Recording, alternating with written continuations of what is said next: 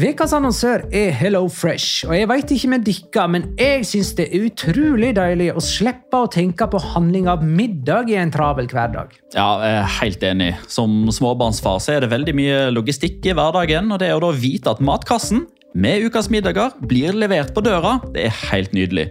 Da slipper du impulskjøp på butikken når blodsukkeret er lavt, og når du kommer hjem, kan du bare ta ut posen med dagens ingredienser fra kjøleskapet og sette i gang matlaginga.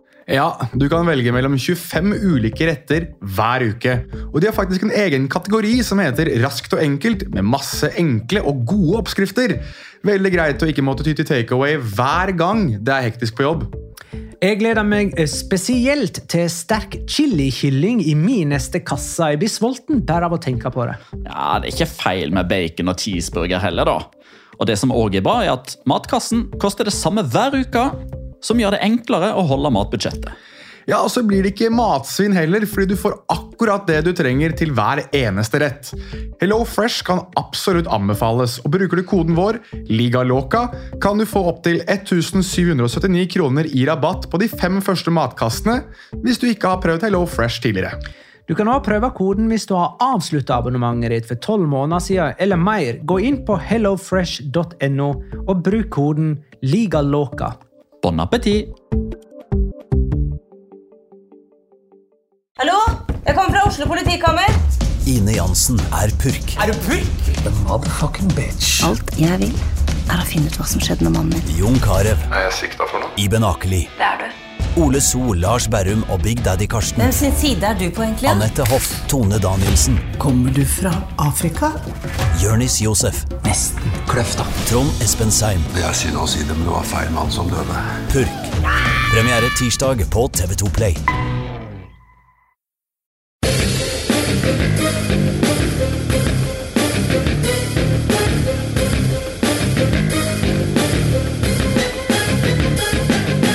Har du sett? Barca hadde fire strake ligakamper uten seier, men så kom Xavi tilbake, og dermed har laget full pott med tre av tre mulige poeng etter en 1-0-seier mot Español. Og i spansk fotball har det vært mange gode trenere de siste årene. Hva betyr det for Solskjær? Vel, kanskje at han blir erstatta av en sånn en. La liga loca. En litt gærnere fotball. Ja, ja, ja. Dette er La Liga Loca, episode 184 av det ordinære slaget med Jonas Giæver. Hei. Shalom in the home. Petter Wæland. Hei. God dag! Og Magnar Kvalvik. Hei. Halla, Magnar. Hei. Hei, Magnar. Har vi noe reell smalltalk eh, i dag, eller skal vi bare gå rett på sjølpromotering og Jeg har vært med på å bygge loft. eh, Der snakka vi! Her er det small talk, og det var ganske small eh, bidrag fra, fra min del. Eh, Det er jo en del av lytterne som, som var med til Madrid for hva er det nå da, to? Nei, det er tre år siden. nå. Og En av de som var med på den turen, Jan Erik Gullaksen, han bygde loft hjemme hos meg, og så sto jeg mest og så på. Forberedte vel egentlig kommentering nede i stua, for å være helt ærlig. Men jeg kappa litt, da. Eh, Litt planker og gjorde de litt mindre, sånn at de skulle passe. Og, ja, så jeg har bidratt. Du bidro. Ja, jeg bidro litt. Ja, ja. så bra. Fikk han noen svarte kroner for dette? Jeg har ikke fått en drit. Men, uh, men uh, han skal få lov til å være med på neste Spania-tur. Uh, og så skal jeg kanskje spytte inn litt der, da. Sånn. Takk for hjelpa. Du var med du, på den turen, her, Magne? Ja, jeg var ikke med og bygde loft. Nei, ikke heller. Det hadde ikke gitt Petter særlig til loft, for å si det sånn. Ja, Altså, det- vi- hvis- jeg er god hvis- til å mekke sånn hytte med papp. Show, Ja, sånn, ja. ja. Ja, Der har jeg jo litt sånn trening. skjære ut vinduet. Jeg bidrar med stor takhøyde, jeg. Der er jeg god. Men, altså, jeg tror det at eh, Hvis vi noen gang eh, går lei av spansk fotball eller eh, ikke følger med, eller noe sånt, hvis vi må finne en annen ting Jeg tror vi skal styre unna byggebransjen. altså. Det hadde vært litt kult om vi bare tok på oss en dag sånn I dag skal La Liga Loca bygge loft. Og så bare for å se hvordan det går, liksom. La Liga Loft, La Liga Loft istedenfor. La Liga Loftet. La Liga Loftet. Ja, La Liga Loca Loftet. Vi trenger et loft. Vi trenger La. Liga. Jeg, jeg liker loft bedre enn kjeller.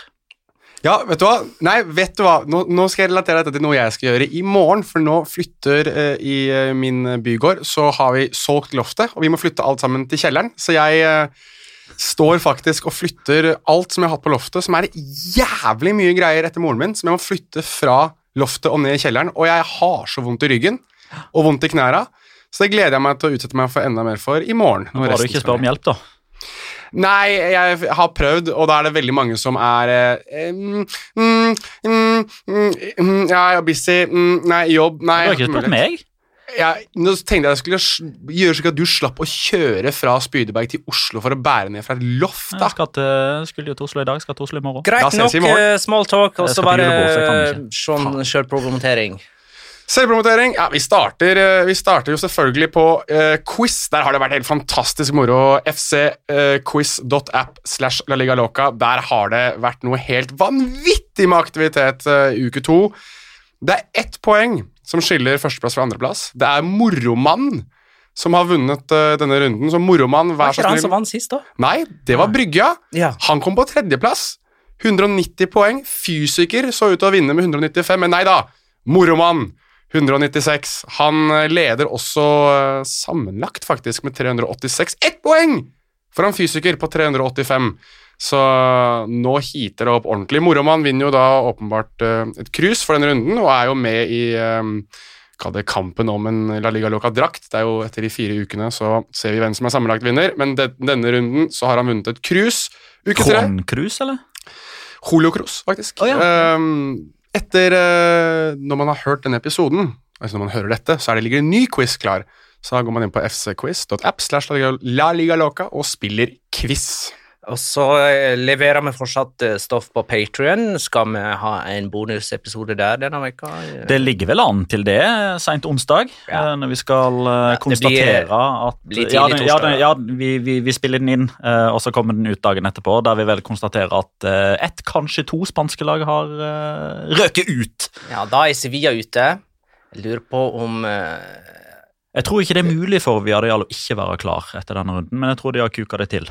Ja. Og. Real Madrid er videre, og så sliter Barcelona. Og, vi- tror kanskje at de ryker i siste kamp mot Bayern, fordi at de klarte ikke å slå Benfica denne uka. Ja, Mm. Sånn blir det. Ja. Da har vi jo egentlig oppsummert den bonuspodden allerede. Men, men hør den gjerne altså. Den blir litt mer fyldig på torsdag. Men i dag er det altså mandag eh, 22. november. Eh, runde 14 er ikke helt ferdig. Rayo Vallecano mot Mallorca mangler. eh, men ellers så ser runde 14 kamp for kamp sånn ut. Levante Atletic 0-0. Ja, det lå i kortet, kanskje. Nei, må, må jo si det. Levante spiller noe helt fantastisk bra fotball nå. Kan jeg få sagt det? Ja vel. Ja, I hvert fall til å ha gått 22 kamper på rad uten seier. Jo, men jeg satt og så dette med, med en veldig veldig god kompis som er Marius Bratt, og han, satt og, han ser veldig sjelden på spansk fotball, men han hadde faktisk gjort litt research for, for den kampen her, for han ville, jeg tror han ville imponere litt. Og han hadde fått med seg at de hadde bytta trener, og satt og sa jeg kan ikke forstå at det laget her ikke har vunnet fotballkamper, så god, god fotball som de spiller. Enes Bardi var jo fantastisk. Ja, var det. De har jo spilt flere gode kamper. De spilte jo 3-3 mot Real Madrid og var gode i store deler av det oppgjøret. ja. for 2-2 eksempel. mot Atletico Madrid. Eh, men de har altså 22 strake nå eh, uten seier. 14 av de denne sesongen. Eh, ingen av de som tidligere har hatt en så dårlig sesongstart, har klart å holde seg i Primera divisjon. Eh, og rekorden på antall kamper på rad uten seier, den tilhører altså Sporting Gijon på 24. Eh, Levante mangler to strake uten seier. Eh, mot Real Betis borte og Osasona hjemme, som er de neste to kampene deres. José Luis Morales har jo spilt alle de 22, Ja, der, så han har jo satt en egen rekord, ifølge Pedrito Números. ja, der kom locoraen min, da. Oh, ja. At, at av alle spillere som noen gang har spilt i La Liga eh, Du har du har noen som ikke har vært sånn kjempegode, som Jermaine Pennant, eh, Nordin Amrabat. Eh, og så er det altså ledestjerna til Levante, José Luis Morales, som har den tvilsomme rekorden med å ha spilt flest kamper på rad som spiller, altså, uten seier. Vet, vet du hvem jeg trodde du skulle nevne her nå? Bare sånn for Jeg tror han kunne hatt den rekorden. Maurizio Lemos. Jeg kunne forestilt meg Maurizio Lemos kunne hatt den rekorden der. Sånn, bare sånn Ja, som Las Palmas-spiller Ja. i tillegg, ja, når Ja. de rykka ned der. Altså, Morales er en spiller vi har snakka opp, vi har snakka varmt om ham, vi har skrytt av ham lenge. Han er en slags kultfigur og en veldig god fotballspiller, og så er det han som står med den tvilsomme rekorden der. Eh, Det var jo det var ingen spillere som spilte alle de 24 kampene før Sporting Gijon i sin tid, fra 97 til 98, Eh, men Morales har gjort det, spilt samtlige, selvfølgelig vant det Men det at det er Uten. Morales som tar den rekorden, er det litt som at det er KrF-lederen Kjell Ingolf Ropstad som setter i gang dette her eh, stortingsgreiene med pennerleilighet osv.? Altså, at det var han som skulle liksom få den ballen til å virkelig rulle? Jeg er tilbake på det greiene der nå, med sånn valgsgreie og sånn. Litt usikker på den sammenligningen. Jeg tok ikke Altså- helt den um... Altså, man, man skulle jo tro at det, hvis, hvis det var noen som juksa med papirer osv., så, videre, så var det kanskje ikke lederen av Kristelig Folkeparti. Mm. Eh, og hvis det er noen som har en negativ La så var det kanskje ikke José Luis Morales. Roar med skarre er Her har du en jobb. Men eh, det er prisen å betale for å være den beste spilleren på et ganske dårlig lag. Ja, For eh, ja. det er jo liksom altså Når det går dårlig med, med et lag, så roterer gjerne treneren og prøver å finne løsninger på hvorfor det går så dårlig, mens eh, Morales er på en måte ikke problemet. Uh, og dermed så blir han værende i laget. Mm. Eh, Her var jo Problemet deres var jo været, da. Det må man jo si. Altså, Jeg vet ikke om vi skal inn på det nå, men altså, det, det været på Ciudad. Valencia Ja, altså, det, det, det var jo så ille Det regna jo så ille at eh, det ødela taket på, på Ja, det er lakk, rett det og slett. nye taket. Det Det er jo et taket. nyrenovert stadion. Mm, det er jo videoer av det, at eh, det renner ned Altså, taket gir etter sånn i midtpunkter, og så renner det ned på supportere. Så det er jo store mengder vann som bare rett i trynet på masse relevante supportere. Så det må ha vært utrolig gøy. Se et lag spille 0-0 og samtidig gå hjem kliss våt. Men, men dette er jo, har jo blitt en sånn tradisjon i Spania sånn i november, desember, januar, at det er kamper der man nesten egentlig bare sitter og ser på regnværet. Ja. Og det jo i, i større grad enn hva jeg egentlig legger merke til når jeg ser fotball fra England, Norge, fordi på den tida her så er det gjerne sånn at du blir mer bergtatt og sitter og ser på traktorer som flyr fram og tilbake for å fjerne snø. Det er jo det som er unikt med Norge. Men i Spania, altså, når det først skikkelig regner der, så er det altså så vanvittige mengder som kommer. Både i eh, Levante Athletic og i eh, Sevilla Alaves var det så mye regn at det, det la seg over vann på, på gresset, så man, det bare spruta rundt omkring eh, Ja. føttene på spillere. Så umulig ut å spille fotball.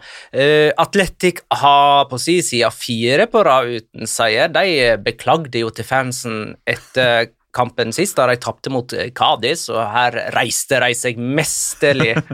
Hva syns, du, hva syns du om Marcelino på trenerbenken der? Satt som, det, dette er en referanse jeg tror Magnar kanskje tar. Lord Palpatine. Satt, han så, så ut som han fra Star Wars. Execute Order 66. Ja, nei, Det er bra at du nevnte det var Star Wars. Jeg har ingen Star Er Wars-referanse. så, altså, de, jeg skal slutte med referanser. Jeg beklager. Nei, nei, du må fortsette med Nei, det. Det er sikkert masse lyttere som kan relatere til det. før eller senere så lykkes du. Du lykkes jo med, med den her uh, Charted, Uh, bare at Ja! det var feil film. Ja, da kunne det. jeg jo jeg faktisk Ja. eh, Riktig. Men jeg, Får det no, inn på rett jeg håper noen tar Execute Order 66. Det Det er fint. mange som gjør det. Mange. Jeg hadde fem punkter her. Oi! Vi har, vi har, vi har tatt fire av de. Okay. Det var liksom 22 på rad, Morales-rekorden. Uh, ingen har overlevd etter 14 på rad, og dette greiene med Levante overvann. Det femte punktet er Herregud, så kjedelig Atletic er! De har skåra 11 mål på sine 13 kamper. Og, og vi har det, altså, Retafe har bare ett mindre, og de skårer jo nesten aldri mål. Nei, det, det lå jo ikke til rette for en morsom fotballkamp, det her. Uh, og jeg begynner å bli ganske enig med Petter at Atletic er piss ræva å se på, altså. Og de spiller mye fredagskamper, har jeg fått inntrykk av. Ja. Det veldig, og det er alltid en sånn greie hvis du spiller fredagskamper, så er du ikke morsom. Det blir aldri veldig mye mål i fredagskamper, har jeg inntrykk av. Ja, jo, det, er- jo, men det er helt riktig, fordi du spiller fredagskamp hvis du er det beste laget som ikke spiller Europacup, eller mest populære laget som ikke spiller Europacup, okay. for det er Gold TV-kampen, det er Ja, frikampen i Spania, og ja. de kan ikke velge lagene som spiller Europacup. Eh, nå går vi videre. Ja, vi. Celta Vigo via Real 1-1. Alberto Moreno sendte Real i ledelsen. Breis Mendes utligna for Celta Vigo. To keepertabber i denne kampen. Celta Vigo har én seier på Balaidos eh, så langt, etter åtte kamper der. Det er deres dårligste poengfangst hjemme siden 1940-tallet. Iallfall etter de første fire Nei, første åtte hjemmekampene. Eh, Jeg syns den kampen her var litt sånn tam òg, jeg. Ja. Kommer liksom ikke helt i gang, noen av lagene, følte jeg. Men det er jo kanskje Dette er jo to lag som jeg tipper på øvre halvdel eh, til mine store protester hvert år. Ja, det, men, det, men det vi må nevne her nå Så en ting vi må nevne, så er det Jeg skriver ofte om det i La Liga med skråblikk på La Liga, som ligger på Patreon for de som ønsker å lese den. Men den derre eh, T-skjorte- og skjerfkombinasjonen til Chacho Codet, den er så stilig, den. Fy søren, den er så riktig, den. Han har holdt helt til 22. november. Han ligger vel ikke an til å få sparken Han, han gjør ikke akkurat det. nå? Nei, han gjør ikke det. Eh, Jeg så denne kampen på, på Movistar. De har jo en indre banereporter som heter David Moldes, eh, som er den som følger Celta Vigo tettest blant de som jobber med spansk fotball på TV i Spania. Og han sier det at til tross for at de aldri helt kom i gang, til tross for at de bare har vunnet én av eh, åtte hjemmekamper, til tross for at de skårer mindre mål enn hva de bør, det er ingen som setter spørsmålstegn ved Chacho Codet. Ingen. Men de møter Alaves borte på lørdag. Det er siste kampen deres i november. Det er make or break. Der er det gjort. Enkelt og greit. Der er det gjort. Åh, Alaves, altså. Men, eh, så, men, men, men spør, så, du, så du kampen? Nei. Nei. Eh, hvis du hadde sett kampen, hadde du sittet med to voodoo-dukker da? Dette er jo de to lagene du liker å liksom pirke litt i en gang iblant. Mm, Det kan skje. Ja. Nei, men Da får jeg nevne det, da, siden du ikke tar det. Dette er første gang at Viareal spiller sju bortekamper på rad uten å vinne i La Liga siden Nedrykkssesong, da. Riktig. Ja. Mm. Og de møter Manchester United på, har jeg skrevet, men ikke, jeg har ingen ord etterpå. Det er vel i morgen, er ikke det? Tirsdag? Tirsdag, det da. Ja, tirsdag klokka Det er tidligkamp eh, tirsdag. 18.45 eller hva det nå er. fra 18.13 det er som er tidligkamp på- i Champions League. Ja. Ja, en, av de to. Whichever. Tror jeg, jeg, tror Før, jeg, før 19 en gang. jeg skulle akkurat til å si 1845. Jeg tror det er 1845, for jeg tror de andre er klokka ni. Før så var det jo, det, det- Da det var tidligkamp, var det 1830 og 2045. Nå tror jeg det er 1845 og 2045. Ja, men nei, nei, fordi når det var 2045, så var det, eh, fantes ikke tidligkamp. Men eh, De få gangene var det. skal vi snakke mer om Via Real og Manchester United etterpå? Ja. ja. Sevilla Alaves 2-2. La Guardia og Joselu skåra for Alaves, som leda to ganger, og Campos og Rakitic utligna for Sevilla. Um, her leda jo Alaves uh, inn i overtiden og var jo veldig nære ved å vinne for første gang på Ramón Sánchez Pijuan noensinne. Uh, men ok, de kunne trøste seg med at det ble det første La Liga-laget som tok poeng fra Sevilla på Ramón Sánchez Pijuan denne sesongen. Jonas rista på hodet, og vi har fått et uh, lytterspørsmål fra Roar med skarre-r. Hvor imponerende er Alaves i rekka de siste fem kampene, og hvor irriterende syns Che Guevara at uh, de holder seg oppe i år òg? Jeg hater Alaves. Altså, jeg hater det laget her. Det er så Du kan ikke hate disse som nå bare blomstrer sånn skikkelig og leverer underholdende fotball og Underholdende fotball! firemålskamper, og det regnværet. Det er, altså, det er bare kjøtt og melk og tørt brød og Victor LaGuardia og Tort og Svie og Joselu som spiller som han Han vet tydeligvis at han er på utgående kontrakt, da. Det må jeg få sagt. Han spiller som han er en spiller på utgående kontrakt, og Han skårer altså bare det, han. Det er jo ir Ja, ja, ja. Ironien i det hele her er at eh, hans største ønske før denne sesongen var å gå til Sevilla. Ja, ikke sant? Det, Ikke, ikke til fots, da, men å, å bli solgt dit, liksom. ja, nei, men det gikk ikke, for det var da familien som skulle dit, og det var riktig valg av, av Sevilla. Men det er Jeg skal prøve å ikke være eh, for flosklete og gjøglete når det kommer til hvorfor jeg ikke liker Alaves, men det er altså så drit primitiv fotball de spiller, syns jeg. Det kan godt være at det er effektivt, det er greit nok, men jeg har sett nå Getafe, jeg har sett Cádiz, jeg sett Valencia Skal vi ha Alaves også som holder på med den der primitiv drittfotballen? Jeg gidder ikke, og i tillegg For et par års tid så skraut du av den primitive fotballen til Getafe. Ja, nå har jeg utviklet meg. Jeg er ikke Diego har jeg har utviklet meg. Ja. det er jo positivt, da. At du eh, Du Nei, jeg, er ikke den samme som for to år siden. Nei, det er ikke sant, det er bra. Du Noe er nærmere 30. Ja, jeg, nå, er det, nå, er jeg, nå er det nesten 30, altså, og da må jeg begynne å bli litt mer eh, romantisk til fotballen, ikke sant? Nå begynner jeg å nå den eh, middagshøyden i livet, holdt jeg på å si. Uansett, Oi. midt på Ja. Midt, Sier du til ei som har runda 40? ja jeg skal ikke leve like lenge som deg, Magne. Du kommer til å leve i evigheten. Ja, vet du hva? Altså, der, der snakker vi odds-sikker sikker eh, prognose, altså. At Magna blir eldre enn Jonas. Ja, det, Altså, Gi meg 1-0-2, så setter jeg eh, penger på det. ja, det er hyggelig. Takk for det, Petter. Du hørte her først Petter Wæland med oddstips på La Liga Loca at jeg dør før Magne. Takk for den. Skriv det ned under påstand, da.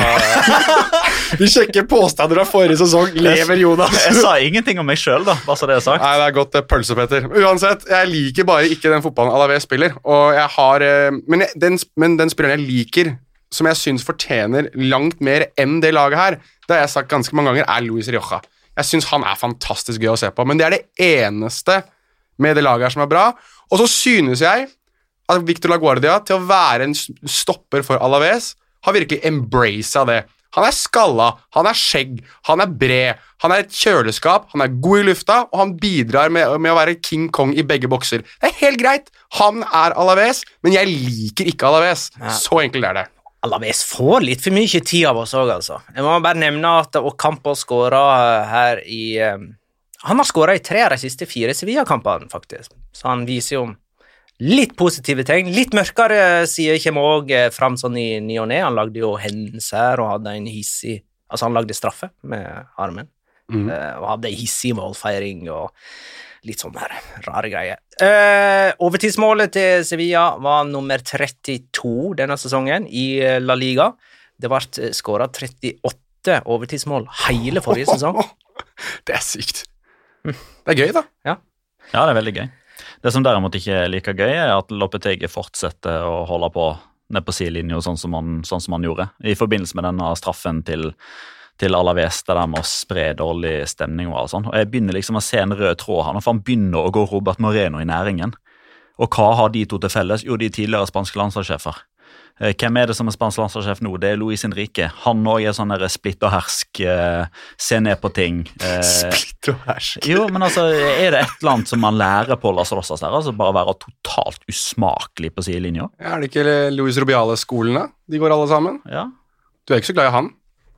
Eller Jeg syns ikke han er noe veldig spiselig. Men det er jo ikke Nei, Presidenten av Fotballforbundet. ja, eh, nei, men altså Det er ikke Havi Tebas heller, da, strengt tatt. Nei, men det er jo liksom, det er jo mer den, den der eh, barnehagementaliteten de to imellom, så jeg syns er litt sånn Ja, fair det. Eh, mer fakta på sidelinja. Atletico Madrid og Sassona 1-0. Felipe, som har fått en del tyn i det siste, ble matchvinner for Atletico med skåring i det 87. minuttet. Ja. Atletico møter Milan på onsdag på Wanda Metropolitano og ligger på tredjeplass i Champions League-gruppa si. Poenget bak Porto, som møter Liverpool, som jo allerede er videre og kommer til å skifte ut hele elveren sin siden Arsenal-kampen. Ja. Ja, kniven på strupen fra Atletico Madrid. Eh, men det at de driver og vinner med ja, har sånne knappe 1-0-seiere mot svakere motstand på Wanda Metropolitano Det ligner vel egentlig kanskje litt på eh, Atletico 13-14-sesongen, det, men eh, jeg blir egentlig ikke klok på Atletico denne sesongen her. Jeg aner ikke hva de er for et lag. Nei, ikke jeg heller, for så vidt. Eh, Det eneste som jeg har liksom notert meg, som jeg bare må passe på må bli sagt i forlengelsen av Jonas sin ros til Jannik Carasco Han er ikke langt unna å ha en av tidenes skåringer i den kampen. her, altså, Da tenker jeg ikke det når han skyter fra 40 meter, for da var målet åpent og han traff stolpen. Men altså Vi ser Herrera ute på 40 meter. ja, ja. Eh, og eh, det er liksom Hvis du skal, hvis du skal liksom sette opp da det perfekte raidet eller den perfekte dribleserien, så er det noen sånne forskjellige finter som bare tenker skal med. Mhm. Han har nesten alle, han. Altså piruett, tofots, eh, tunnel. Alt på små flater med masse motspillere i nærheten som aktivt forsøker å ta ballen, og så er det bare avslutninga som mangler. Da, da, da, da kjente jeg at da ble jeg skikkelig irritert over at den uh, kula ikke gikk i mål. La Ligas svar på Runar Espejord.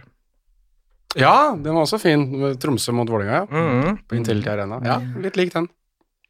Eller kanskje bare omvendt, da. Eh, Espejords uh, eliteseriens svar på Carasco. Så det vi, det vi egentlig må finne ut nå, er om er, ser Runar Espejord på Atletico Madrid-kamper, og er han inspirert av Janni Carasco? Der har du overskriften i Dagbladet i morgen.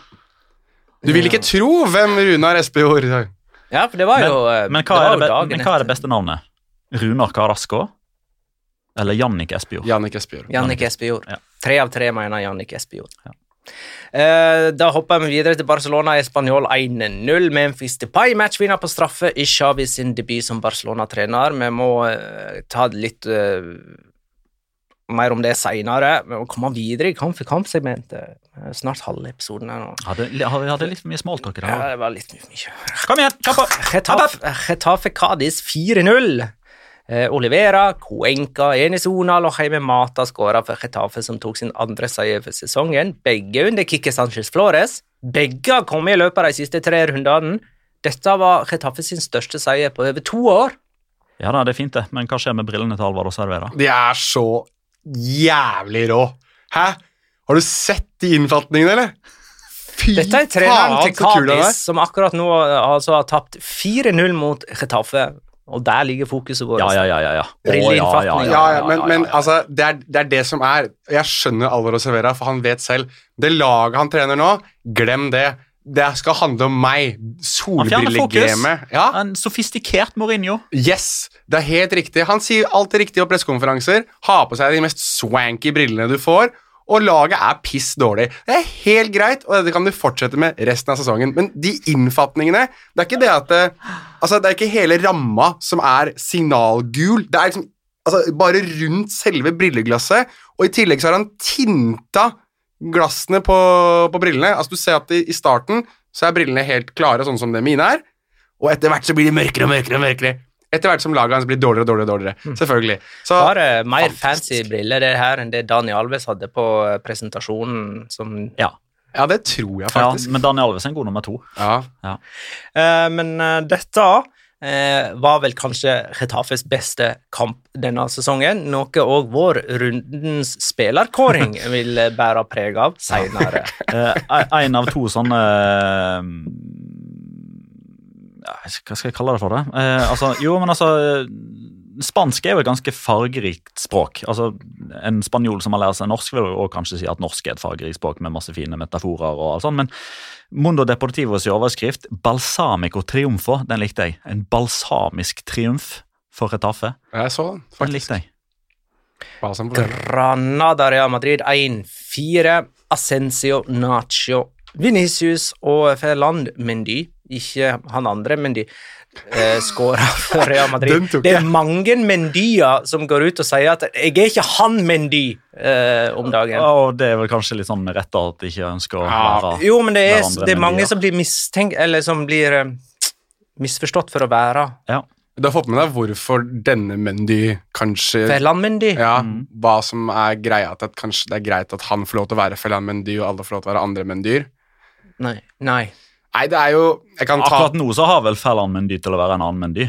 Han har nok lyst til å være en annen Mendy akkurat nå. Greier er at det er en uh, Jeg skal prøve å ta det her kort, men uh, det er en journalist i Frankrike som heter Roman Molina, er heter? Ja. som er eh, kjent som en sånn uh, gravejournalist som har i ganske lengre tid gravet i fotballmiljøet for å finne ut og snusk osv., og, så videre, og han har jo da lekket alt dette på sosiale medier i, i sånne Han satt vel på Twitter Spaces, gjorde han ikke? ja, Twitter Spaces som Sammen med ma masse fotballspillere som satt og hørte på. Ja, dette her er jo, Twitter Spaces er jo da Twitters versjon av Clubhouse, som har kommet nå. Eh, tydeligvis vært der litt lenger enn jeg trodde. Jeg har hørt på et par av de, men eh, ikke samme. Uansett. Eh, han, har, han satt også og snakket om dette, og i det rommet da, så kan du jo se hvem som er der. og Da ser du liksom Dimitri Payet, Jonas Belanda, det er liksom masse fotballspillere. Klubbkontoer til klubber i, i, i um, ligaen osv. Og da kom det annet fram at Følland Mendy visstnok skal ha da eh, slått til ei dame, sparket henne i hodet og vist eh, understellet sitt til henne i 2018, vel? Og han visstnok skal ha problemer med alkohol. Real Madrid Mendy. Real Madrid Mendy. Wow. Visstnok, og dagen etter dette så ble han tatt ut av trening, men var tilbake i startoppstillingen til den kampen her, vel? Så vet ikke helt Ja, det ble jo, det ble, det ble jo også sagt at uh, årsaken til at uh, Lyon-president Ola uh, plutselig gikk fra Nei, nei, nei, han skal ikke selges til eh, Ok, greit, 50 mil, vær så god. Det var det, Lyon ville rett og slett bare bli kvitt han Dette er, på det, grunn av disse problemene. La oss nå si, dette er ikke bekreftet, men det, men det virker som om denne journalisten er ganske troverdig. da. Jeg. Så det er flere Mendia? som Ja, det er det. Oi, oi, oi. Det er Ja. flere Mendyr. Ja, det var jo to. Og, og dette, her kom, dette her kom jo fram eh, Jeg vet ikke om han Molina på mange måter ble litt sånn eh, at han følte at nå, nå fikk han en mulighet til å ta Ferland Mendy, for det var jo Ferland Mendy var ikke det, som var ute på Twitter og Instagram og ba journalister om å være, gjøre litt research. Eller var Ed- det Edouard, men Det var? Edward, ja. Mm. Som hadde, fordi Edward og Jeg- jeg Benjamin hadde blitt Miksa om. miksa om. Og så ja. kom Felland-greiene her nå også. ja, men Ferland, men de tok jo òg opp dette. Ja, det mener jeg at og det Og derfor, og da ble jo han outa. Ja, det kan være det, som er Og så kom storyen på Twitter Spaces senere på Oi, dagen. oi, oi, nå er det viktig å være riktig med de, altså.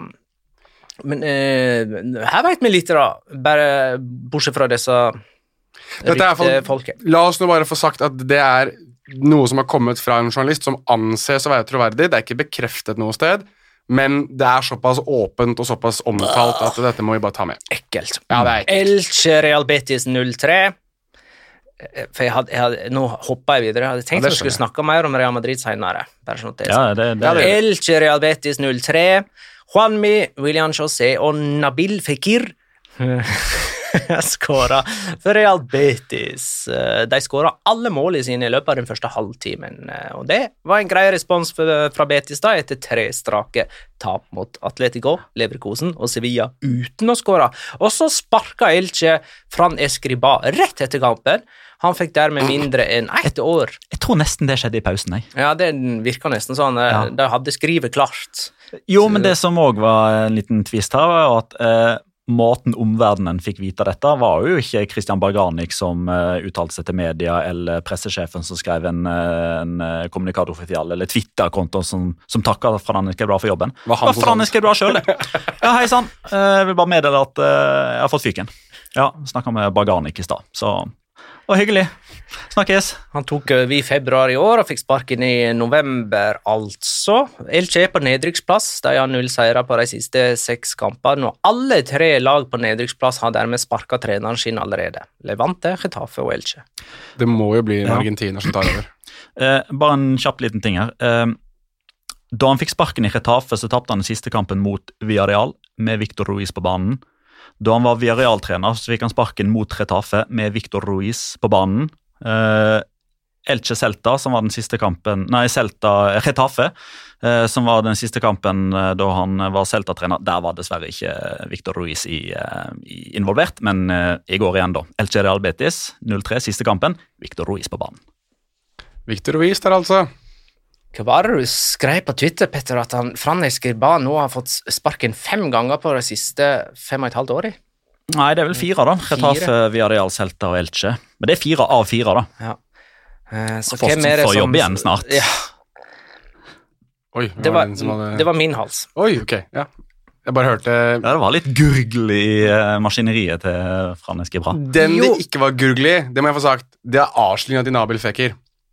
Eller Fekir, beklager. Uh, Nabil Fikir, Nabil Fekir. tror jeg vi skal si. Ja, det er Nabil Fekir. Det er det. Um, den derre tuppen hans, den litt sånn Ronaldo 2002-eske tupp Altså uh, Man blir så Eh, Men, Ja. eh, men jeg forlater ikke Elche helt ennå. Ørjan Risdal lurer på om jeg kan lansere mulige erstattere for Eskriba, Escriba, og da har han lest din tweet, Petter, om Hernan Crespo. Mm. Og hvordan CV-en hans eh, ser ut. Vil det være en god match?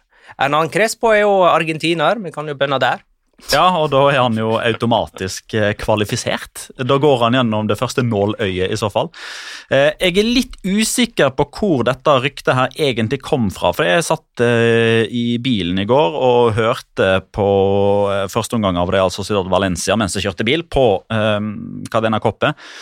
Og det var jo reporteren der som fikk spørsmål etter at han hadde slått fast at hei, nå har vi blitt fortalt i presserommet her at Franniske Blad har sagt at han har fått fyken. Og får en spørsmål tilbake igjen eh, altså om det er noen navn som har blitt satt i forbindelse noe veldig tidlig da, eh, som ny Elche-trener. Da sa han nei, foreløpig så har det ikke kommet ut noen navn, men jeg har et forslag, sa han.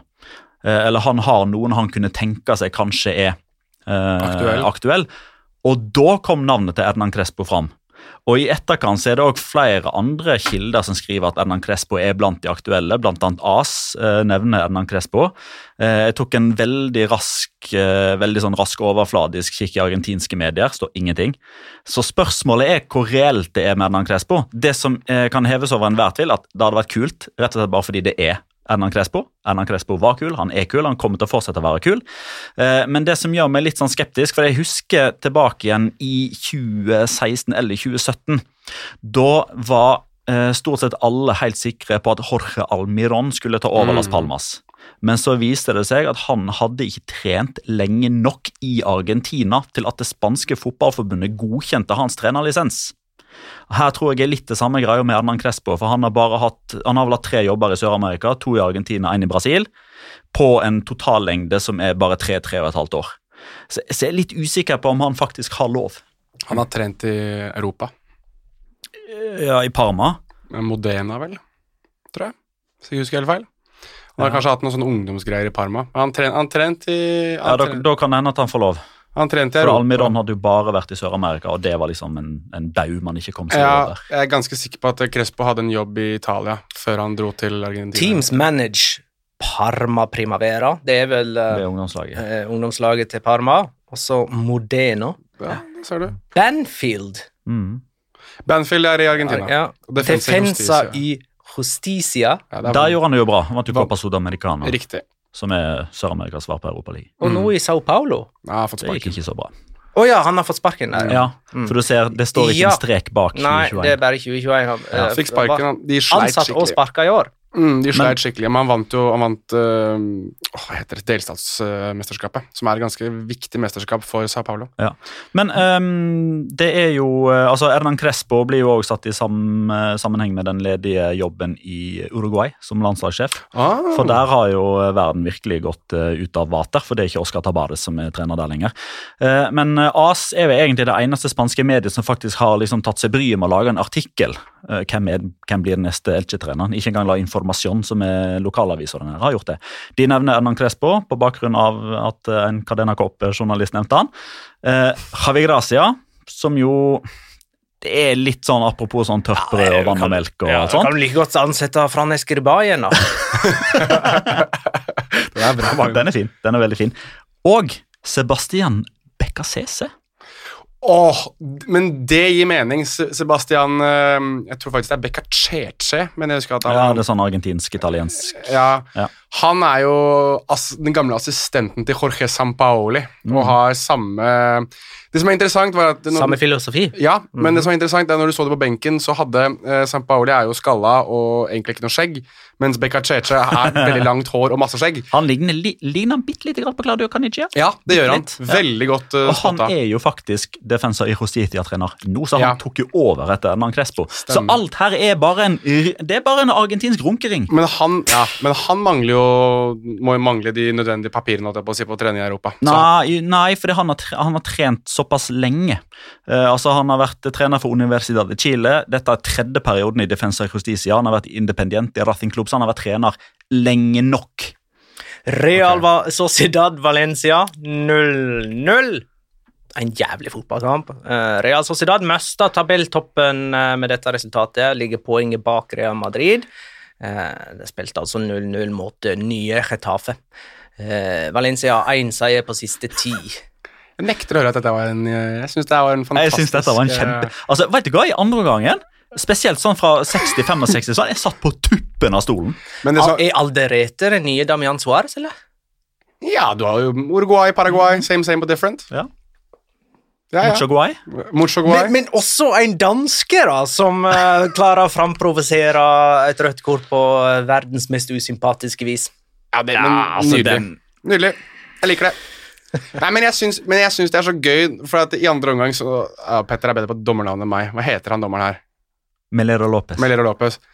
I andre omgang så er det bare sånn Nei, fuck it, altså. Nå får alle kort. Hver gang det blåses, kort. Alle frispark og gule kort som ikke fant sted i første omgang, ble bare plassert ut i andre. Helt sånn randomly. Det er helt greit. Jeg syns det var så gøy. Ja. Når han bare begynte å bare Kort, kort, kort. Han løper rundt med det gule kortet i hånda. Liksom. Kort, Ja, ja, kort, han, kort, kort, han, han tok det jo ikke ned i brystlompa engang. Han bare løp rundt med det. Ja. Du får kort! Du får kort! Du får kort! Og ingen Fantastisk. så hvem som fikk gult kort i tumultene på slutten der.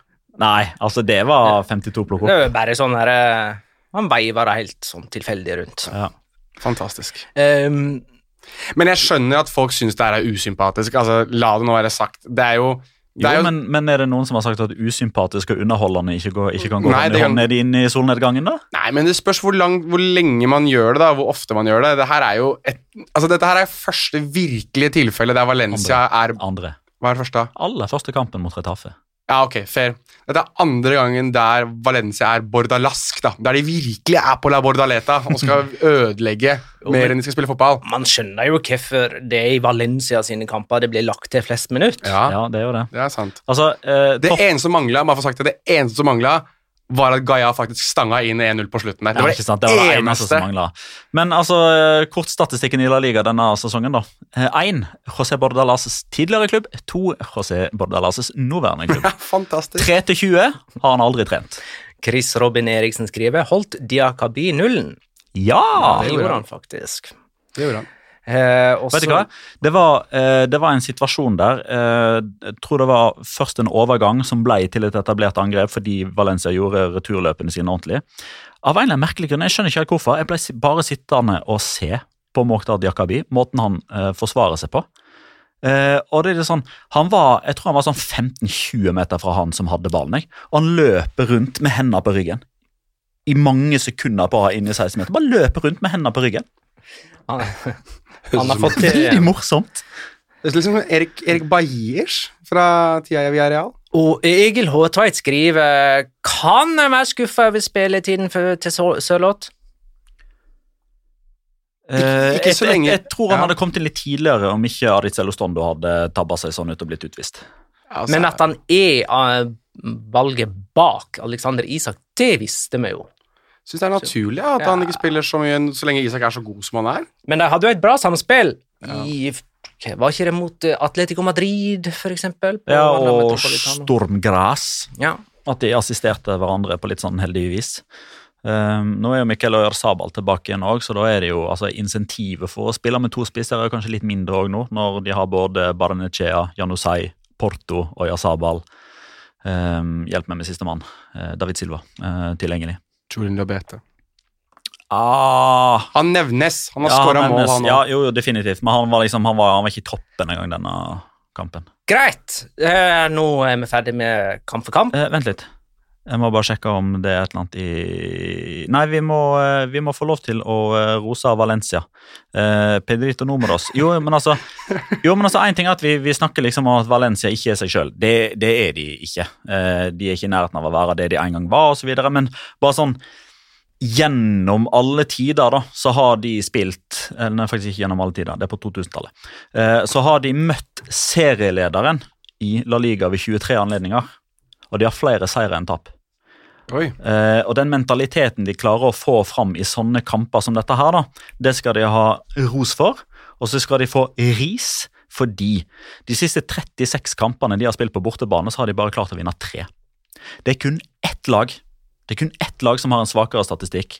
Og da er ikke det bare av de som er i La Liga nå. Det er fra alle lagene som har vært i La Liga fra 1996.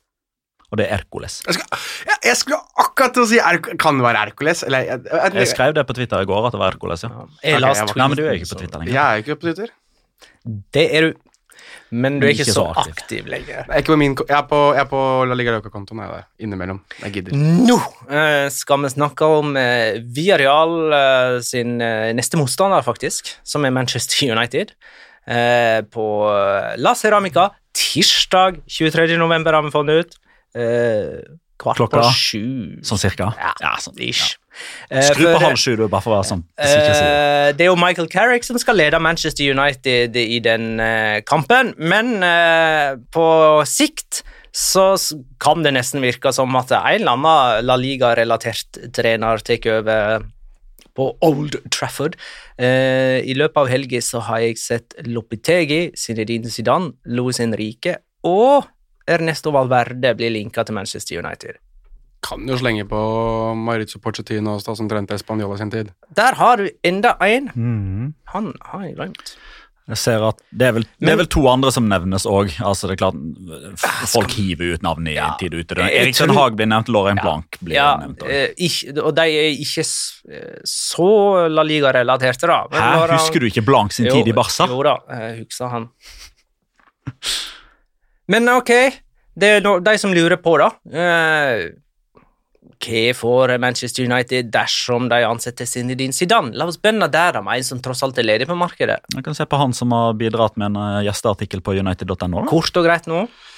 Kort og greit, nei, altså de, Det de får, er jo en, en figur, først og fremst. da. De får jo inn en type som har en mulighet til å endre mentaliteten til fotballspillere nesten ene og alene ved å være en av de virkelige ikke bare kultfigurene, men legendene i fotballen på 90- og 2000-tallet. Eh, Det jeg er usikker på hva angår Zinedine Zidane, er om han kan ha den samme effekten på en Manchester United-garderobe som på en Real Madrid-garderobe, rett og slett for at han har ikke den samme statusen i United som han hadde automatisk i Real Madrid.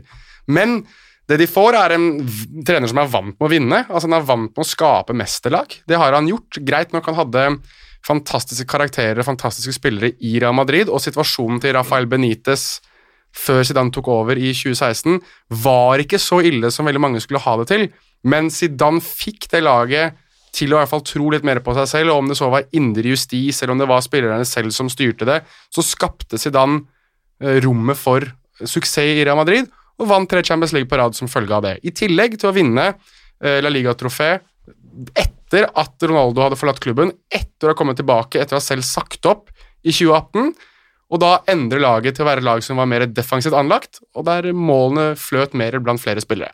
Så det er en type som er mer pragmatisk. Noe å tilføye, Petter? Eh, nei, altså det, det positive er jo det som Jonas er inne på her, med at han helt åpenbart vet å trene fotballhoder. Eh, og han kom jo inn etter Benitez, som du jo også skriver om i denne artikkelen. Og, og under Benitez så ble jo spillerne på mange måter overlessa med direktiver og instrukser, som gjorde at når de kom ut på banen, så glemte de jo faktisk å spille fotball. Fordi de måtte eh, huske ok, eh, denne situasjonen her, den så vi for oss på treningsfeltet for to dager siden, hva skulle jeg gjøre da? Eh, jeg husker det, var vel borte mot Sporting Rijon at debuten var. Eh, og det er, liksom, det, det er noe av det verste jeg har sett av Real Madrid i form av å ikke kunne ha noe som helst form for frie tøyler eller ansvar eh, Frihet under ansvar eller noe som helst under Benitez. Og så kom Zidane inn som en liksom forløsende effekt. Um, og så er spørsmålet hva er det Manchester United trenger nå? Uh, og ikke minst, hva er det de som bestemmer uh, på Old Trafford, hva er det de ønsker? Vil de ha en verdensvant franskmann med en flott CV som har trent en toppklubb før? Uh, eller uten å bli liksom for sånn, å sette folk i bås, så skal de ha en brite som skal sette skapet på plass? skal de fortsette med den taktikken som ikke nødvendigvis har fungert så veldig bra til nå, med å ha en sånn tidligere Sir Alex Ferguson-elev? Det er jo ingen som helt veit her. Og det har jo på mange måter vært litt sånn problemet over veldig lang tid. da, At man, liksom, man har ikke sett en sånn klar og tydelig plan hos Manchester United. Hva vil de? Og, hvordan vil de komme seg dit, og hva slags virkemidler skal de ta i bruk for å komme seg dit? Um, ned sier jo eventuelt noe med Zidane er jo kanskje litt altså, språkregnet som, som han har nevnt. Det er ikke det samme å ta over Manchester United i England som det er å bare å rett og slett bare bytte navn på tittelen i klubben du allerede har vært i i mange år. Altså Zidane er jo på mange måter Real Madrid de siste 20 årene i fire, fem, seks forskjellige roller. Så det er definitivt nedsider ved dette her òg, og der man kanskje har mangla en litt sånn rød plan med Solskjær. Hva er hans fotballfilosofi. Hva står han for? Ser at det er litt sånn fram og tilbake og litt debatt. Noen som har vært litt uenige med det jeg nevnte til Nettavisen, om at jeg ikke har sett en rød tråd i hans fotballfilosofi. Eh, spesielt ikke under den andre perioden, fordi der forsøkte han jo egentlig bare å gjøre det samme som han gjorde i periode én, bare uten Cristiano Ronaldo, og da la han om. Men han la ikke om eh, spillprinsippene eller grunnfilosofien i den grad han hadde det. Det var bare at ja, men da er vi mer defensive. Da Da tar vi litt mindre risiko. Da holder vi ballen mer i laget, vi satser mindre på overganger, og så vinner vi trofeer ved å ha gode forsvarsspillere og en Tibor Courtois mellom stengene. Eh, så i motsetning til f.eks.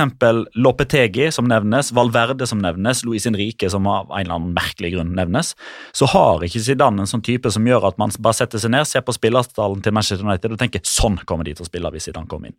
Jeg klarer i alle fall ikke det. Nei. Hva får de ved Lopetegi eventuelt, da? Da får de jo 4-3-3 med anker, høye bekker, indre løpere og én spiss.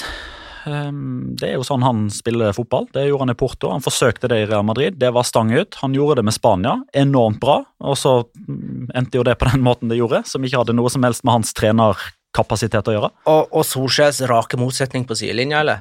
Eh, ja. Ja, um, Veivete armer og desperasjon i blikket og hysterisk Emery Er mer Light Ja. i måten han beveger seg på. er verdt, verdt å ta her da at Lopetegi ble spurt om dette på pressekonferanse i dag før sin kamp, og da sa han altså Vær så snill, da. Altså, Vi trenger ikke å snakke om absurde ting. Det er litt viktig å ta med. Hvis, Ja, ja, absolutt. Er, det nok, er det noen av disse vi føler er aktuelle?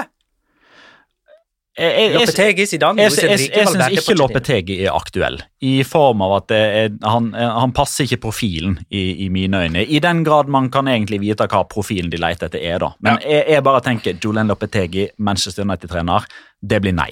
I alle fall for, for min del. Luis Henrique har spilt seg selv fullstendig ut på sidelinja.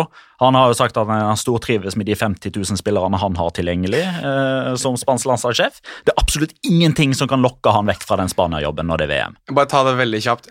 Dette, dette er kanskje den eneste gangen jeg har muligheten til å si den setningen her, så jeg skal gjøre det. Eh, Jeg snakket med Mark Bosnich på DM på Twitter eh, nylig angående den ene gangen jeg er på Twitter når jeg er på jobb, snakket jeg med ham om dette, og jeg lurte på hva han tenkte. Og han sa at, eh, og jeg syns egentlig den tanken her var litt interessant. Han sa hvorfor kan ikke Louis Henrique ta den jobben midlertidig fram til sommeren?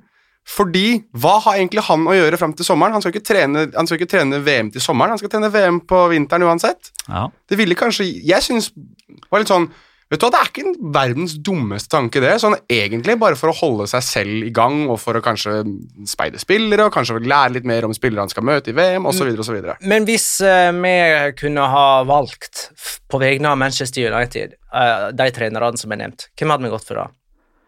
Petter? Jeg synes kanskje det mest riktige med tanke på approach, hva Manchester United trenger akkurat nå, er Nesto Valverde. Og, og da mener jeg òg de eh, ikke eh, La Liga-relaterte som har blitt nevnt, altså. Hele sulamitten. Av alle som har blitt Ja. linka til jobb. Jeg kan nevne hvem som helst. Ja, nei, okay. av de som har blitt linka til jobben Skal du komme med Marcelo Gajardo igjen nå? Du kjenner meg for godt. Nei, jeg hadde, Av de som har blitt nevnt, så hadde jeg hadde valgt uh, Maurizio Porcetino. Men det har jo litt å gjøre med at han uh, altså, han kjenner uh, litt grann mer til premissene i en klubb som Manchester United på bakgrunn av å ha trent i England da, og har språket, har vært koblet til jobben mange ganger før. Virker som han kanskje trenger Jeg tror ikke, jeg tror ikke han trives i Paris Saint-Germain sånn som det er nå, der, der han egentlig skal gå inn Champions League-trofeet. I Manchester United så vil man jo bare nesten at han skal utfordre Liverpool og Manchester City igjen. Og det tror jeg er en rolle Og Chelsea. Og Chelsea, for så vidt. Det tror jeg er en rolle som passer Porcetino veldig veldig godt. Så jeg tror Pochettino hadde vært den beste fitten. Ja, gode, gode tanker. Og jeg legger jo merke til at uh, José Felix Diaz altså, han, har ikke nødvendigvis inside i Manchester United. Han er en Real Madrid-mann, spansk landslagsmann, men han er òg en mann som tar for seg de store linjene i europeisk fotball. Og han har en ganske interessant variant, fordi han har en teori om at det at Ole Gunnar Solskjær får sparken nå, faktisk medfører med, med noen måneders an, altså antelasjon, altså han tar dette litt sånn på forskudd, det gjør at Zidane ender i PSG. Jeg er ikke uenig i det. Fordi Mauricio Pochettino kanskje lar seg eh, lokke av Manchester United. Og, og det der har jo vært en sånn der, eh, ikke nødvendigvis en storleik, da, fordi Solskjær har sittet det samme stedet hele tida. Men Pochettino, Tuchel, Zidane, Solskjær, den kvartetten der. Fordi Zidane ble linka til eh, Manchester United nå, når Solskjær ble sparka. Det har Pochettino blitt gjort tidligere, de andre gangene det har brent på dass for eh, Ole Gunnar Solskjær. Zidane vil på et eller annet tidspunkt tilbake til Frankrike. Helst hovedstaden for å lede enten Frankrike eller PSG, der Thomas Tuchel har vært. Han ble erstatta av Pochettino. Så de fire der har liksom alltid blitt nevnt i forbindelse med hverandre fordi de skal erstatte eller ta over etter hverandre. Jeg hadde valgt Ten Hag. Uh, Xavi debuterte for Barcelona som trener uh, med 1-0-seier mot Español. Finn-Viggo Dreyer skriver Så vi kontu- konturene av det vi forventa med Xavi? Nei. Nei. Hvorfor ikke? Jeg lærte ingenting av den kampen der. jeg. Nei, Men altså, det er en- høye presser, vel- da. Jo, jo da, selvfølgelig, men samtidig vi, vi, vi må sette det litt i kontekst òg. Dette er ikke Chavi som har plukka sine spillere og hatt preseason, og dette var liksom hans første tentamen. Dette er liksom eh, Nå har han fått tak i brannslukningsapparatet, så kan han forsøke å få litt kvitt skum ut av den i løpet av de neste månedene, og så skal de begynne liksom, å, å bygge hans profil. Det jeg legger merke til, er jo at han eh, kjører åtte La Masia-spillere fra start. Eh, og jeg tror ikke nødvendigvis det laguttaket der nødvendigvis var de elleve beste spillerne som var tilgjengelig i den mest naturlige formasjonen og med liksom eh, Jeg tror ikke det bare var sportslige ting som lå til grunn der. Jeg tror det er veldig viktig for Xavi at han viser det samme i praksis som han driver og sier på pressekonferansen hele tida, med at La Masia er grunnsteinen, vi må tilbake inn til der vi var, Barca-DNA og alt dette greiene her som de preker og, og snakker om hele tida. Har ikke det vært sånn de siste gangene disse to lagene har møttes, at det, det har vært flere katalanere og egenutvikla spillere i Español Ja. enn i Barcelona? Så det var viktig å ta tilbake den trona der. Jo, jo men du, du kan flire litt grann etter at du sier det, men jeg tror det ligger litt sannhet i det. At det var viktig for Xavi å, eh, å vise at La Masia er en nøkkel... nøkkel... Hva er det jeg kaller det for? Nøkkelstein? Nei, hva jeg kaller det for? Nøkkel... Hjørnestein. hjørnestein i hans prosjekt. At det skal være basert på spillere fra La Masia, ispedd verdensklassespillere som blir henta inn utenfra. Eh, og altså Elias Akromac, litt usikker på hvordan man uttaler det. Eh, altså Den tiende spilleren da, som er U21-alder, som får spilletid i Barcelona allerede nå. Og vi snakka i forlengelsen av liksom Daniel Alves til Barcelona som 38-åring. Forteller alt om hvor Barcelona er. Ti spillere som er yngre enn 21 i Barcelona allerede denne sesongen, forteller òg veldig mye om hvor Barcelona er akkurat nå. Hyggelig med to marokkanere òg, som begge spilte den kampen her. As Ebde, han var frisk, altså. Spennende, de begge to, altså. Jeg syns, uh, syns Akkomak Akkomac, jeg tror det er Akkomac, faktisk. Uh, syns jeg så også veldig Vi kan jo bare kalle han for Ilias, som Ilias, alle andre gjør. Ja, Ilias så veldig, veldig spennende ut. Og jeg, ehm, jeg, liker, jeg liker jo litt det der, da, at Chavi er litt sånn practice what you preach. At han gjør det han sier han skal. Samtidig så er jeg liksom Hvis, de, hvis Raúl Thomas hadde stanget inn 1-1 her, så hadde det her sett utrolig dumt ut. Det hadde sett skikkelig naivt ut, og han hadde startet med null i sekken allerede. Men ettersom han vinner Skal vi begynne med Florida Chavi kanskje snart òg? Ja, men det er faktisk noen som har begynt å nevne det allerede. Ja, det det, at. Espanol ikke skårer på noen av de tre Greit, Frisparket til Olde Thomas hadde vært en mye større prestasjon Ja. hvis det hadde blitt skåring mer enn at det er sånn «Åh, kjempesjanse i utgangspunktet. Men Di Mata spesielt, Ja, å, og den andre til Olde de Thomas det, Da er det litt sånn, ok, greit, La Flor de Zidane blei ei greie. Var dette starten på liksom La Flor de, de Chavi, der på mange måter auraen hans da på mange måter gjør at alle rundt han skinner i litt større grad, har litt mer marginer, litt mer tilfeldigheter, litt mer flaks. Den straffen de får, Ja. skal på ingen måte si at, uh, at, den, at Barcelona fikk den fordi det var Barcelona, men Mm. det, altså det, det, Er det straffe, det der, da?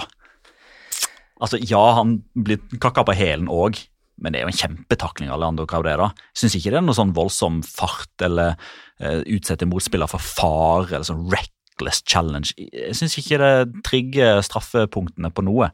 Men det er kontakt, og da kan ikke VAR gjøre noe med det. Uh, men kanskje vi skal få et bedre inntrykk uh, tirsdag? Ja, det er tirsdag, da Barcelona møter Benfica i Champions League. Vinner de den, så er Barcelona videre. Eh, og, det, og det må de kanskje gjøre, for det at de møter Bayern i siste kamp i München.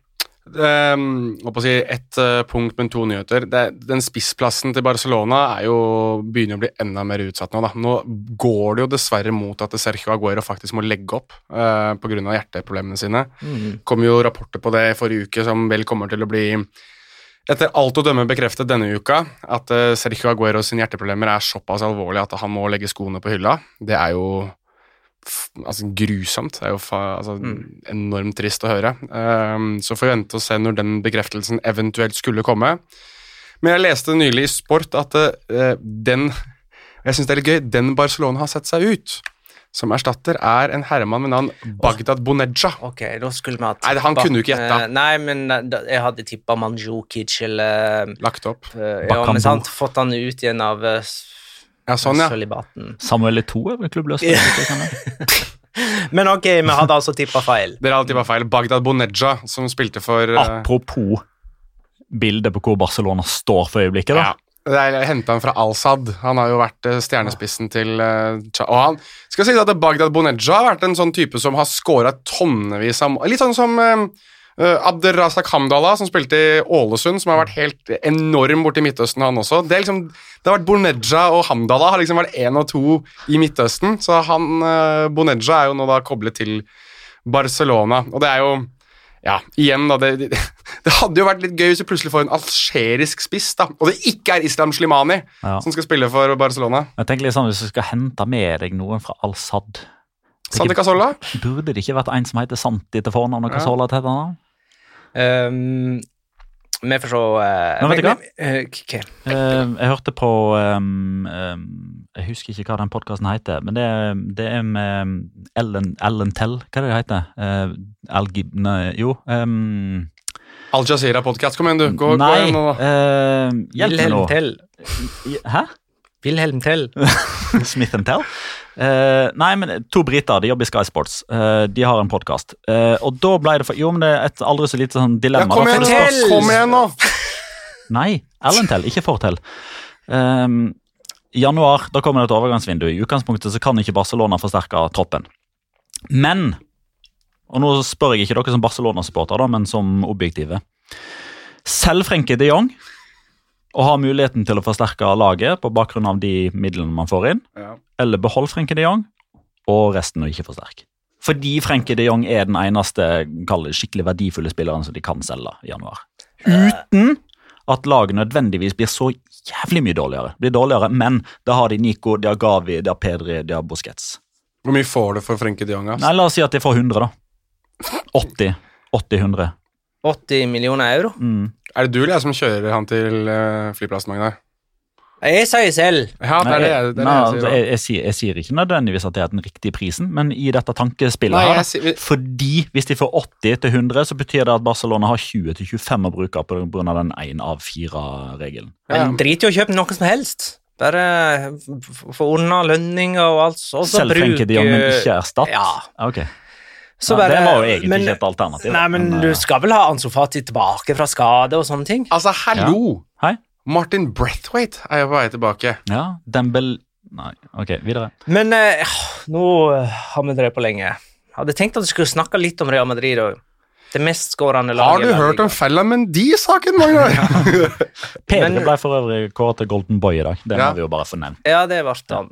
Som årets Arv- spiller i uh, Europa. Nei, årets unge spiller av Tutto Sport, så han er jo Jo. arv, arvtakeren til Erling Braut Haaland. I verden. Mm. Årets spiller i verden under Unge. 21 år. Ja, Riktig. I 2021. Ja. Uh, men uh, det, så Venicius vant ikke den, da. Eh, Kommer litt sent, han. Dessverre. eh, men eh, i, i Venicius Neymar-parallellen så kan vi jo legge til nå at spillere får rødt kort i ren provokasjon over driblingene til Venicius. Ja, Men kan vi bare være enige om at det der er klink rødt, eller? Ja, ja, er du gæren? Altså, Robert Moreno kan være så forbanna han bare vil. Det er rødt kort, Ja, jeg altså. ser at folk driver og diskuterer om det der er rødt eller ikke. Jeg syns han var streng. Han går jo for å bare kveste ham. nei, han går ikke for å kveste han, han. sikter jo på kneet! Nei, han går for å sette han ut av spill, som er å felle han. Det er Og usportslig. det er veldig usportslig. Og da er det rødt kort. Ja, men Hvis han hadde fått gjort det, så skulle han hatt gult, men han, han sikter jo på kneet. Der må vi nesten inn i hodet på Ja, det gjorde jeg akkurat nå. Du hørte det for et par sekunder siden. men, eh, men at motstandere får rødt kort i ren provokasjon av dribleshowet til Venicius, det minner jo om Neymar. da. Ja, det er. Og så spør jeg Mats Olsen om Bale fortsatt spiller i Real Madrid, og svaret er jo nei, men han er jo, han er jo der. Han spiller for Wales, og så skader han seg der, og så kommer han tilbake igjen. Eh, og det er faktisk noen som eh, Selvfølgelig med litt sånn humoristisk undertoner, da, men for et par år siden så, så ble det jo innført eh, en ny eh, regel. Jeg vet ikke om det er regel, da, men normen er jo at hvis spillere blir skada på landslagsoppdrag, så er det Fifa som betaler en viss straff eller bot eller tar en del av lønninga eller noe sånt. Og det er jo ganske mange Real Madrid-supportere som sier at ja, ja, men nå kan vi i alle fall spare inn litt penger på Bale, da. For han blir jo bare skada når han spiller for Wales, og så er han utilgjengelig for Real Madrid. Så blir han mirakuløst friskt, eh, frisk til han skal til Cardiff neste gang. Blir han skada igjen, og så Nå skal vi kåre rundens spiller. Det blir veldig kjapt. Jeg tar tredjeplassen. Det er Damian Suárez. Eh, Det er fordi han eh, slo et eh, fint innlegg, sånn fra, fra kyst til kyst. Fra høyrebekk til venstrebekk. Og syns han spilte bra, men det er egentlig bare for å få lov til å eh, være uh, litt sånn uh, stygg med Ricardo de Burgos Bengochea, som faktisk da ikke kan regelverket. En av de mest elementære tingene i et regelverk er jo blant annet at hvis en spiller som får gult kort, når den spilleren som da blir offer for den taklinga, hvis han må ha behandling, så skal ikke han ut av banen eh, og vinkes inn igjen etter at spillet Han skal få lov til å være på banen hvis motstanderen får gult kort. Det var det som skjedde. Alberto Perea tok igjen for alle andre som har blitt uh, herja med av Damian Suárez. Planta knottene greit nederst på, på leggen. Eh, og Damian Suárez måtte jo derfor ut. Eh, står jo og krangler med fjerdedommer og sier ja, men dere delte ut gult kort, jeg skal ikke ut her. Og når han står og krangler med fjerdedommer, så tar jo da eh, en annen uruguayaner, eh, hvis navn skal, snart skal bli revealed, han tar jo frisparket som eh, en tredjespiller, eh, hvis navn snart skal bli revealed òg, og så skårer Retafe. Ja, for mann nummer to. Vi holder oss i Uruguay, vi holder oss i Getafe. Mauro Arambari for andreplassen. Eh, to målgivende for den uruguayanske midtbanekrigeren, som jeg synes um, egentlig er litt undervurdert. Samtidig så er han ganske riktig vurdert også, uh, fordi det er jo kun i uh, skal vi si, fire kamper i løpet av en sesong der han er undervurdert og er bare helt insane god. I denne kampen så har han to målgivende istedenfor å ha en rakarøkare fra hundre og helvete i krysset. Men uh, det gjør at Uruguay og Getafe tar tredjeplass, andreplass, men førsteplassen går til Jorge Cuenca, som òg spiller for Fetafe. Og dette her er ikke noe vi har avtalt på forhånd. Her har vi faktisk valgt hver vår spiller, hver for oss, og alle valgte eh, hver sin Getafe-spiller. Eh, eh, Jorge Cuenca bidro til at Getafe-forsvaret holdt nullen og skåra sjøl det ene av lagets fire mål. Han er 22 år, har aldri spilt La Liga før denne sesongen her. På lån fra Viareal. det er litt typisk for Viareal at deres beste spiller i løpet av en runde er en utlånt en. og så er det tid for Locora! Ukens La Liga Locura. Locura. Locura. Locura. La Liga Locura. Petter Fabiana. Ja, um, Jeg hadde en locora på Ruben Castro for noen uker tilbake. Jeg skal bare oppdatere den veldig kjapt, for nå skårte han mot Burgos. Det var den 67. klubben i La Liga, altså nivå 1 og 2. Han har skåra mot. Flest av alle. Han var på toppen sammen med Nino tidligere. Men eh, locoraen, det er familien Palop. Eh, senior Andres og junior.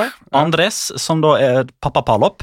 Eh, I mars 2007 så skåra jo han eh, et sånn ikonisk mål som alle Sevilla-supportere fortsatt husker, på overtid i ekstraomganger mot Sjakta Ja, ja. Som gjorde at Sevilla gikk videre og etter hvert og vant sin første Uefa-cup. Og Andres Palop han var keeper. Han var keeper, og det er òg Palop junior, som heter Alejandro Palop. Vi skal riktignok ikke opp på et så, så veldig høyt nivå, men han er òg keeper, eh, som sagt. Han spiller for Torrent, eh, som spilte mot Alcira, litt nede i divisjonene for, eh, i, i det spanske divisjonssystemet. Og han skåra fra egen banehalvdel. Eh, Skjøt ballen rett og slett fra egen banehalvdel og i mål, på overtid, som gjorde at hans lag vant. Og her kommer en annen sånn spansk greie, fordi på norsk så heter det 'eple faller ikke langt fra stammen'. Veit dere, dere hva de sier i Spania? Nei. La rama nunca cae lejos del arbol. Greinen faller aldri langt fra treet, er den spanske varianten. Jonas. Spania der, altså. Nei, min, uh, min locora er uh, Altså, det neste kapittelet i det der sammensuriumet av helvete som Valencia-eierne og direktørene driver med. Jeg vet ikke om dere fikk det med dere, men uh, Anel Murti og Joey Lim, altså sønnen til Peter Lim, var jo på Anueta for å se um, denne smått famøse kampen mellom Real Sociedad og Valencia. Og der er det jo noen uh, Valencia-sportere som faktisk får øye på uh, Anel Multi og, og Joey Lim der de står da på den boksen. Og da synger jo Valencia-supporterne som de alltid gjør. Anil Kanaya for de Mestaya Altså, uh, Anil Kanaya er vel altså idiot, dustebass Altså sånn altså, idiot, da. Sånn tyv, på en måte. For de Mestaya, ut av Mestalla. Og mens de står og synger, så står Joey Lim, altså sønnen til Petter Lim, og danser oppi uh, Altså han står og danser til det at de driver og synger om at de må komme seg til helvete ut av Mestaya. Og jeg, og jeg bare tenker at Én ting er at de synger det. Én ting er at de anerkjenner det, men å stå og håne supportere for den slags, for at de er um, oppriktig lei seg, oppriktig forbanna over det som har skjedd med klubben deres, det synes jeg er så hånlig og ekkelt. At eh, jeg legger det bare, jeg drysser det sammen med hun der dattera som holdt på for, noe, for et år siden, to år siden, et eller annet sånt noe. det Peter Lim selv sa i dette intervjuet om at dette her er hans klubb, og han, dette er bare Hva var det han sa for noe? At det er fritidssyssel for han, liksom. Uh, ja, nei, bare legger det og sier jeg skjønner ikke hvordan Valencia kan ha klart å komme til det punktet de har kommet til. Da skal vi tippe. Har du en Locora, eller? Ja, det var at uh, Morales har gått Jeg, 22 jeg stjal den. Kan ikke du bare si at lokoraen din var at alle tre valgte Getafe-spillere uten å egentlig vite det? Ja. Ja, det var en fin locora. Men det blir så navlebeskuende Locora. Det liksom Men det liker vi. Ja. Tippekampen eh, i den runden som var, det var Barcelona mot Español, som endte 1-0 med Memphis Depay som første målskårer. Jeg hadde 2-1 med Memphis Depay som første målskårer, så da får jeg tre poeng. sant? Mhm. Eh, Snakk om navlebeskuende. Jonas hadde 2-1 med Raúl Thomas som første målskårer, det gir ett poeng. Og Petter hadde 3-0 med Memphis Depay som første målskårer, det gir tre poeng. Der, ja. Da var jeg tilbake igjen på bånn. Det er greit, det. Det betyr at jeg har 17 poeng, Petter har 5 og Jonas 4. Neste Der var verden i vater igjen. Altså Oskar Tabares på den ene sida og Jonas Giæver på den andre. Verden er i balanse. Neste kamp er Real Madrid mot Sevilla, søndag klokka 21. Jeg tipper 2-1 og Venicius junior. Ja, jeg òg har 2-1, eh, men Benzema. Jonas? Øh, Jeg får gå for 1-1, jeg, da. Prøve å være litt annerledes. Skal jeg det? Ja, 1-1. Ja, eh, første målskårer eh, Sevilla-spiller. Um, Og Campos? Nei. Rafa Mir, selvfølgelig. Nei, han starter Rakitic? Thomas Delaney. Ludvig Augustinsson. Um, jeg, Yasin Bono. jeg går Ja, Yasin Bono. Montiel? jeg går for Diego Carlos, jeg. Mm. Da har ikke jeg mer av Selvmål! Oi, så- Oi, ja vel. Men kan ikke du bare si sjølmål der, da? Du trenger ikke å si hvem som skårer sjølmål. Første målskårer er ikke litt dramatisk, da? Men sjølmål, da eh, Han, han altså- kan få lov til å gardere. Samme hvem som tar ledelsen, så lenge det er sjølmål. Ok, Fordi- ja, så ok, greit. ok, om Diego Carlos skårer først, en, i samme hvilket mål det er, så får han poeng. Ok, sånn, ja. Ja. Jeg er med på den. Ja, greit. Ja. Uh, da er jeg ferdig. Du er ferdig? Er vi Takk for at du lytta, kjære lytter. Ha det, da.